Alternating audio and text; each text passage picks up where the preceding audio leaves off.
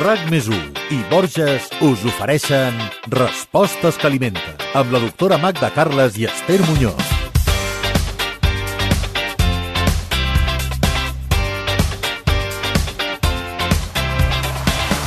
És probablement un dels plats més antics del receptari. Tenim sopes tot l'any, des de la de Nadal fins al gaspatxo, passant per les sopes precuinades, que hi són sempre.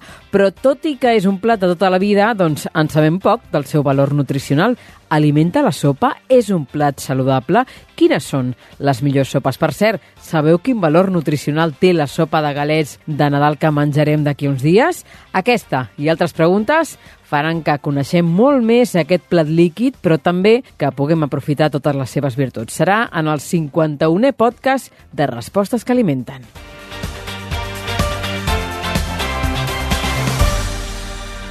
Ai, les sopes, Magda Carles. Què, què faríem sense les sopes? De tota la vida, eh? Sempre, sempre. Jo he vist els meus pares, els meus avis, és que tothom. Qui, qui no pren una sopa? I les demanem a casa, eh? Vull dir, venen Sí, de gust, sobretot sí, en aquesta sí. època, eh? A l'estiu no, però ara moltíssim. Jo crec que és lo clàssic de lo clàssic. O sigui, és el plat més antic, estic convençuda d'això. A més que són gairebé com medicinals, no? Ara que estem tots empiucats, encostipats, sí, sí. allò que hem agafat els típics virus d'aquesta època, les sopes sembla que reconforta molt. mål? Clar, perquè el primer que fa és hidratar, però és que a part, doncs, a part si és calenteta, doncs ens reconforta, com tu dius molt bé, i a part, segons els ingredients que hi puguem, doncs pot ser una cosa absolutament medicinal i és apta per a tothom. Vull dir que la sopa, ja anirem parlant, té moltes virtuts. Més de les que ens imaginem, eh? Sí? Doncs vinga, aquest és l'objectiu d'aquest podcast, eh? Conèixer-la i sobretot posar l'accent en el seu valor nutricional. Eh, Com d'antiga és la sopa, Magda? Doncs molt, molt, perquè jo crec que ja del neandertal, imagina't, eh, estem parlant de fa molt temps, doncs se suposa que van haver-hi les primeres sopes. És que és,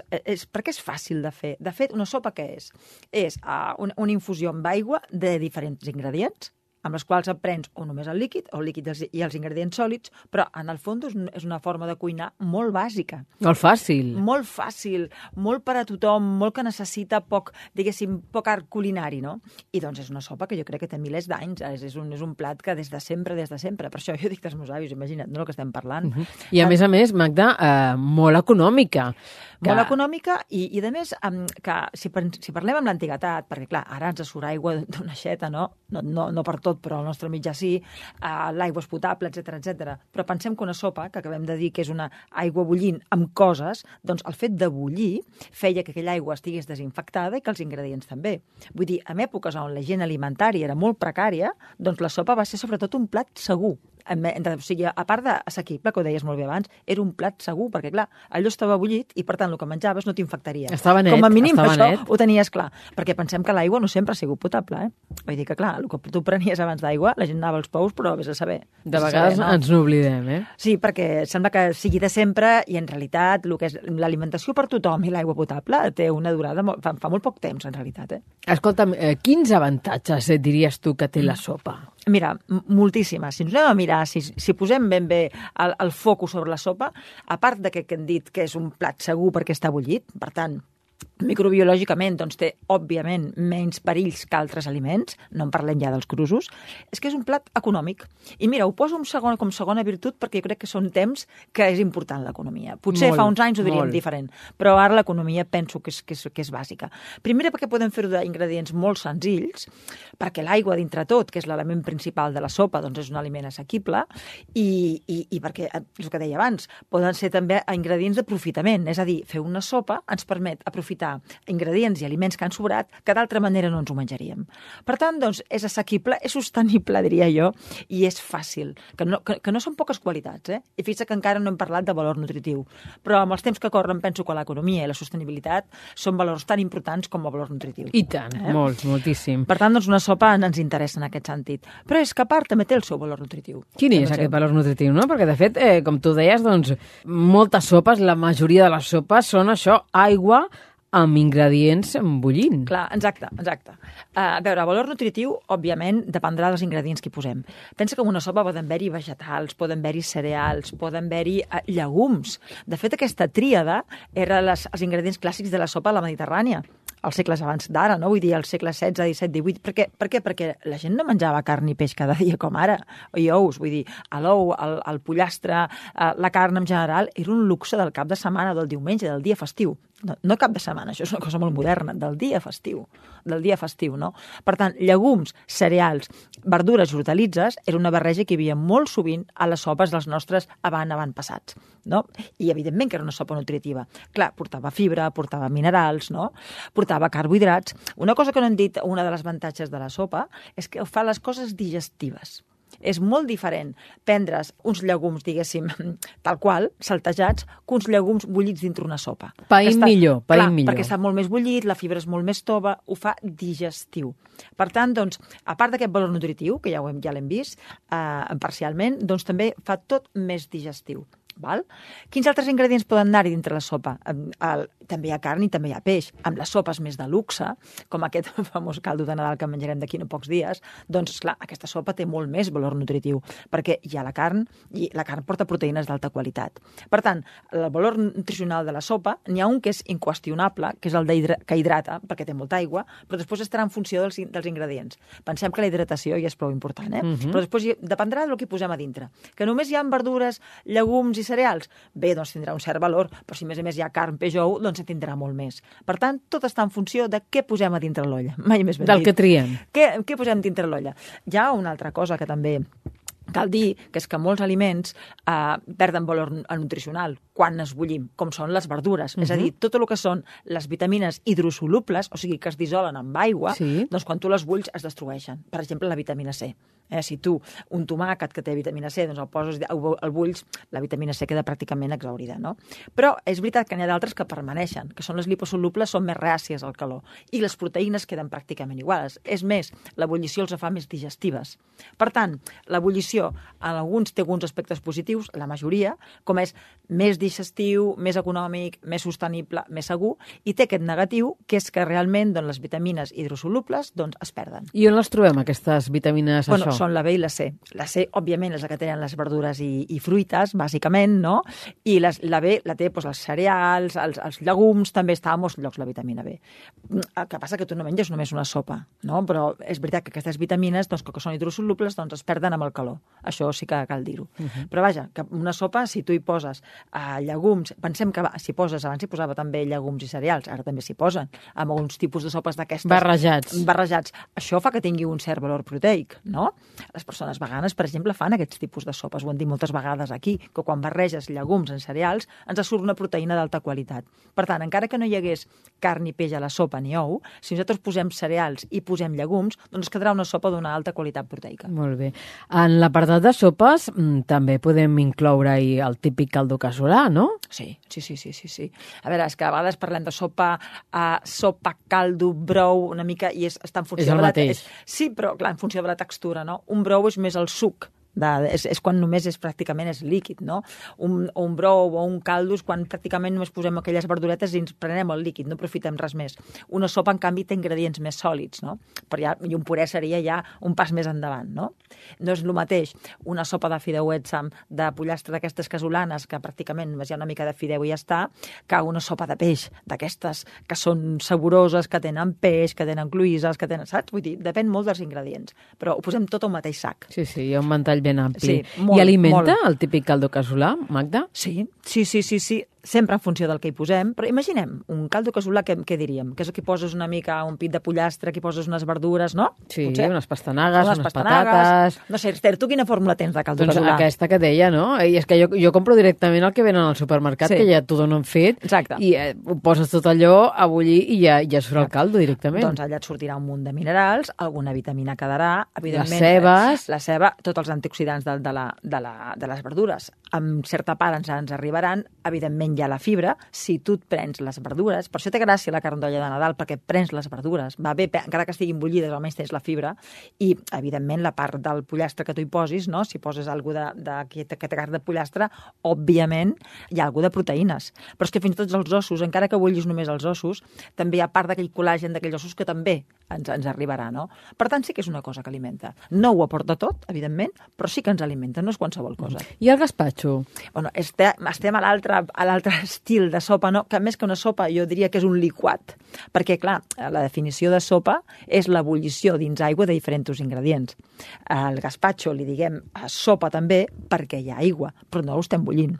Per tant, és una sopa freda. Uh -huh. Alguns experts diuen que, de fet, no seria ben bé la definició purista de sopa. Però, realment, com que té molta aigua, doncs també hi ha el gazpacho. L'avantatge que té, Esther, que és una meravella, és Quina? que, doncs que, a part dels ingredients que són uh, dieta mediterrània, antioxidants, que són oli d'oliva, aigua, no? ceba, pebrot, cogombre, doncs és que com que no, està, no es porta l'ebullició, sinó que simplement és passar per al mixer, no? per, per la batidora, uh -huh. doncs té moltíssimes vitamines. Clar, encara conserva Clar. més vitamines. Evidentment, evidentment. Ara, té una, altra, té una cosa que no és tan convenient i és que és molt menys digestiu. Si ens fixem, a molta gent el gazpacho a vegades no se li col·loca bé o li repeteix, etc etc. És cert o no? Sí, i tant. I que no sí, té sí. aquest punt reconfortant que té la sopa calenta, però té el punt refrescant i, evidentment, també té el punt hidratant. Per tant, jo posaria amb els dos, els dos extrems diferents, cada un amb les seves virtuts. Amb un està el gazpacho, amb l'altre està a la sopa casolana, aquesta que diem, o la carnolla, si tu vols. Uh mhm, -huh. Cadascuna per la seva època de l'any. Per la seva època i amb les seves virtuts. Exactament. Sí. Escolta, has incidit en el tema de l'aigua. Sí. Quina seria l'aigua que hauríem d'utilitzar? No? no sé si totes les aigües aportarien el mateix valor nutritiu a aquesta sopa que elaborem. Clar, una cosa que a vegades ens oblidem de l'aigua és que l'aigua, a part d'hidratar hidratar-nos, les aigües normalment porten minerals, que és una cosa que ens n'oblidem sempre. Fins i tot l'aigua de l'aixeta porta minerals. Per tant, no serà el mateix fer servir una aigua que té una certa mineralització que una aigua que no en té gens de minerals. Quan més mineralitzada estigui l'aigua, doncs aquests minerals ens arribaran. Val? Sigui calci, sigui magnesi, etc etc. Per tant, doncs sí que l'aigua influeix sobretot amb el valor de minerals. Amb el valor energètic no, òbviament, perquè totes les aigües són, lògicament, doncs, en zero calories, no? perquè no aporten energia, però sí que aporten minerals. Uh -huh. I pel que fa al temps de cocció, mm. eh, quins detalls hauríem de tenir en compte? Home, tindríem que tenir en compte que una cosa, com més cuita està, més es perden les vitamines. Per tant, tindríem que ser una mica cautes amb això. Les sopes s'han de bullir, però no, no es tenim que passar amb el tema bullir. Perquè si bé serà més aromàtic, és veritat, com més bulls una cosa, més olor fa, més, perquè totes les molècules odoríferes doncs, realment surten a l'ambient, però clar, el tema vitamínic més perdrem. Per tant, ha de ser un entremig, jo crec. I també en funció, no és el mateix posar eh, els vegetals enters que posar-los ja tallats. No és el mateix posar una simple carcassa de pollastre que posar molta carn allà dintre. Per tant, les hores de cocció estaran en funció dels ingredients. Però si ens passem amb el temps, allò alimentarà molt menys. Eh? Mm. Posem per cas que, que fem una sopa a la nit per sopar, sí, una sopa sí. bàsica, no? El que sí. tu deies, aigua, la típica pasta. Sí. Mm, com sabem eh, o que, quines recomanacions dones dones tu per encertar en el temps d'ebullició i no passar-nos? A veure, jo penso que més de mitja hora jo no posaria mai una sopa. Jo no, d'aquestes casolanes normaletes, no. No, no, no, no, no, perquè és que llavors fins i tot la pasta queda massa tova, vull dir, jo penso que va a gust de consumidor, eh? De fet, uh -huh. no hi ha normes que diguin així. Cada un, clar, ha de, ha de ser un temps prudencial perquè allò agafi gust, òbviament, però també depèn si hi ha llegums o no hi ha llegums, per exemple, no? Vull dir que en funció dels ingredients, però jo molt, molt temps no faria una sopa. D'aquestes senzilles, eh? Quan estem parlant de carn d'olles i aquests temes, és una, és una altra, altra cosa, cosa, eh? Sí, sí, és, és, és una altra història diferent. És que jo sempre dic que la carn d'olla és un plat de luxe, és un plat de luxe pel temps que, pel temps que requereix saps? Jo crec que el luxe a vegades no són només el que costa els ingredients, sinó quan rato això vol, quan rato de cocció i quan rato tenim que estar pendent d'aquesta cocció. Sí, sí, és una inversió no, de temps. De les sopes que hem anomenat, que hem citat, eh, tu quines diries que són les més nutritives de totes? evidentment, a nivell vitamínic, a nivell vitamínic, òbviament, són les sopes que, que són crues, que són, eh, que són fredes. El gazpacho jo el poso i sempre el poso en un altar perquè crec que és de les grans idees culinàries que hi ha hagut i que fixa que també és una sopa d'origen senzill. El divertit de les sopes és que, en el fons, com a vegades la cuina popular més bàsica ens dona coses tan interessants. Totalment, no? totalment. Uh, uh, la sopa casolana ve ancestralment de les classes socials més baixes i d'aquest de, i de, i de aprofitament dels pocs ingredients que hi havia a l'època, però és que el gaspatxo també i som de... I, i mira que el gaspatxo té una ubicació ben clara, no? De fet, abans no era ni tan sols hi havia tomàquet amb el gaspatxo. Posaven l'oli, el vinagre i l'aigua i l'all i poques coses més perquè és el que tenien. O sigui, al final la gent que feia? La, la cosa de gourmet i culinària era per les classes molt, molt, molt elevades, que la gent no hi tenia abast. Pensem que el de menjar tots, que avui encara no existeix, però a Occident és a partir del segle XX. Eh? És que si no abans la gent no, no, el de menjar era un luxe també, i no es menjava com ara cada dia, no, en absolut.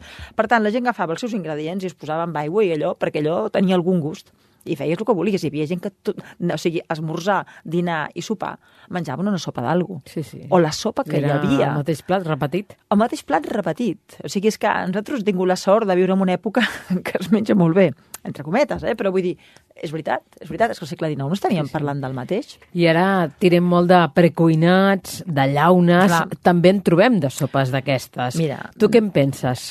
Poden tenir la seva utilitat. opció. Clar, no és el mateix una sopa deshidratada eh, que una sopa en tetrabric, no? Eh, són coses diferents, perquè la sopa en tetrabric està, moltes vegades està, és una sopa que té un procés tèrmic perquè s'esterilitzi i, per tant, té el seu valor nutritiu limitat. Però poden ser útils en determinats moments. Jo, per exemple, la veritat, el que són sopes aquestes que són com caldos, un caldo vegetal, un caldo... Bueno, doncs això pot ajudar en cert moment, que t'hi posis altres ingredients.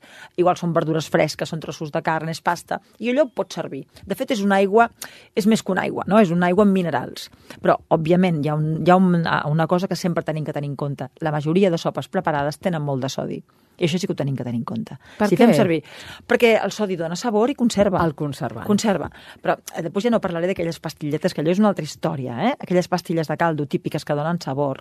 Allò és purament sal sal amb unes quantes substàncies més. Saps a com em refereixo, no? Les Mhm, pastilles sí, del caldo. sí, sí, sí, allò sí. ja no podem dir que allò sigui una sopa. Allò dona sabor a sopes i a guisats i tal, però allò no és una sopa, eh? Jo em refereixo a sopes deshidratades o les sopes que estan en tetrabric, o sigui, envasades que ja estan fetes i que tu només tens que cal- escalfar-les. Són dues coses diferents, eh? Penso que és una sortida puntual, penso que pot ajudar, però no tenim que basar la nostra ingesta de sopes en sopes, a, ho sento molt, en sopes precuinades, perquè és una pena. Escolta, què costa fer una sopa de carbassa? Puntual- o una puntualment. crema de carbassa? Res, què costa fer? res. És que, a veure, jo, jo entenc que puguis fer servir un caldo perquè has de fer una... Però una sopa de, de, car, de, ca- de carbassó, per exemple, vols dir que costa res, gaire? no costa res, No eh? costa res, eh? No costa res de res. Serem més sostenibles i, a més, sabrem que posem a dintre. Posarem l'oli que ens interessi, la quantitat de sal que ens interessi i l'aigua que ens interessi. Mhm. Magda, per les dates en les quals eh, ens trobem, eh, ens toca parlar de la, de la sopa de Nadal. Eh, no tenim gaire temps, però sí que vull que, que ens donis algunes pautes sobre el seu valor nutritiu, sobre com creus que la podem fer més digestiva i si ens pots donar, doncs, per exemple, alguna versió lleugera d'aquesta sopa. Bueno, jo soc poc partidari de donar versions lleugeres per Nadal perquè us, us sembla quasi com, com, com, en fi, com transgressor, no? Perquè el dia de Nadal és un dia que toca fer-ho com sempre. Però sí que és veritat que si volem fer aquest caldo de Nadal, aquesta carn d'olla de Nadal, si plau, des, desgreixem bé aquest caldo, fem-ho traient la capa superficial, aquella que queda, aquell greix que queda gruixut. A la part superior, sí, Exacte. Uh, a vegades també amb, amb l'espumadora eh, es va traient greix. Fem-ho també traient, si posem uh, pollastre, si posem carn, si posem el que sigui, traiem el greix visible, traiem el greix visible abans de, de, de, de, de posar-lo a bullir. Si posem embotits com botifarres, pensem que aquests embotits ja donen molt de sodi a la sopa, és a dir, sisplau, o cuidar la qüestió, al anar-la a condimentar, perquè si posem segons quin tipus de botifarra i d'embotits i de- i d'ingredients ja tenen molt sodi, d'acord? I després, home, no cal dir que una sopa que té patates, verdures, llegums, que té trossos de carn, si mengem la carn d'olla, de fet ja és un plat únic. Després cada qual que faci el que vulgui. Però d'energia et diria que tu pots menjar un plat de sopa i després la carn d'olla i tu ja has dinat. Sí, sí, ja no, no necessitem res més. Per tant, imagina l'energia que té. No vull dir que l'hauries perquè és que som amargar la gent el dia de Nadal, no? Un dia és un dia i està molt bé, però que se sàpiga que la sopa de Nadal amb la carn d'olla ja seria un dinar més que suficient. Mhm. El que és una mica curiós és que a moltes cases es fa la sopa, la carn d'olla i després encara el pollastre rostit, no? O sigui, I els lo mismo, torrons, no? i les neules, i tot Bé, el que és ve. un dia, però jo, jo sempre dic una cosa. Això, al Nadal, en el segle XVIII, mm, tindria un sentit. Avui en dia en té un altre, no? Perfecte, doncs sempre és bona nota. Anem amb el nostre resum. Respostes que alimenten. Amb la doctora Magda Carles i Esther Muñoz.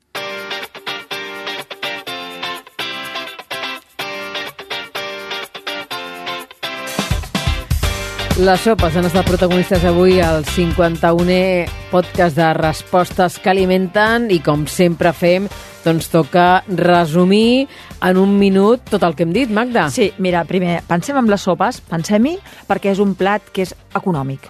És un plat que ens permet aprofitar tots els ingredients que tenim que ens voleien per la nevera. És un plat que és digestiu, que fa que la pasta i els llegums siguin més digestives. És un plat que no té el problema dels greixos cremats com poden tenir els fregits i els rostits, fins i tot. Eh? És un plat que pot ser apte per a tothom i és un plat que si posem eh, llegums i, i cereals, per exemple, eh, fins i tot sense carn i sense peix pot ser un plat únic. I que si posem agafem tot el que hem dit, més carn o peix, és un senyor plat. Vull dir, pensem-hi, no pensem que és una cosa del passat, no pensem que és una cosa de la cuina massa primitiva, perquè és, una, és un plat que avui en dia té plena vigència. Uh -huh. Doncs eh, aquest ha estat el tema que hem tractat avui. Us esperem en 15 dies i, com dèiem, doncs, som al Nadal ja pràcticament i toca doncs, eh, dedicar-hi també un podcast a l'accés dels grans àpats i a com evitar-lo. Exacte, exacte. Com no morir amb els grans àpats, eh? Això. Seria...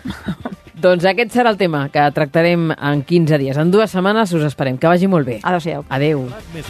I Borges us han ofert Respostes que alimenten amb la doctora Magda Carles i Esther Muñoz.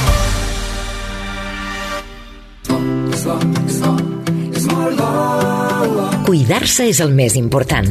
A Borges sempre et portem els productes més naturals perquè cuidem la terra que ens els ofereix i els elaborem de la manera més sostenible possible, com la nova ampolla d'oli feta en plàstic reciclat. Borges. Que bo que és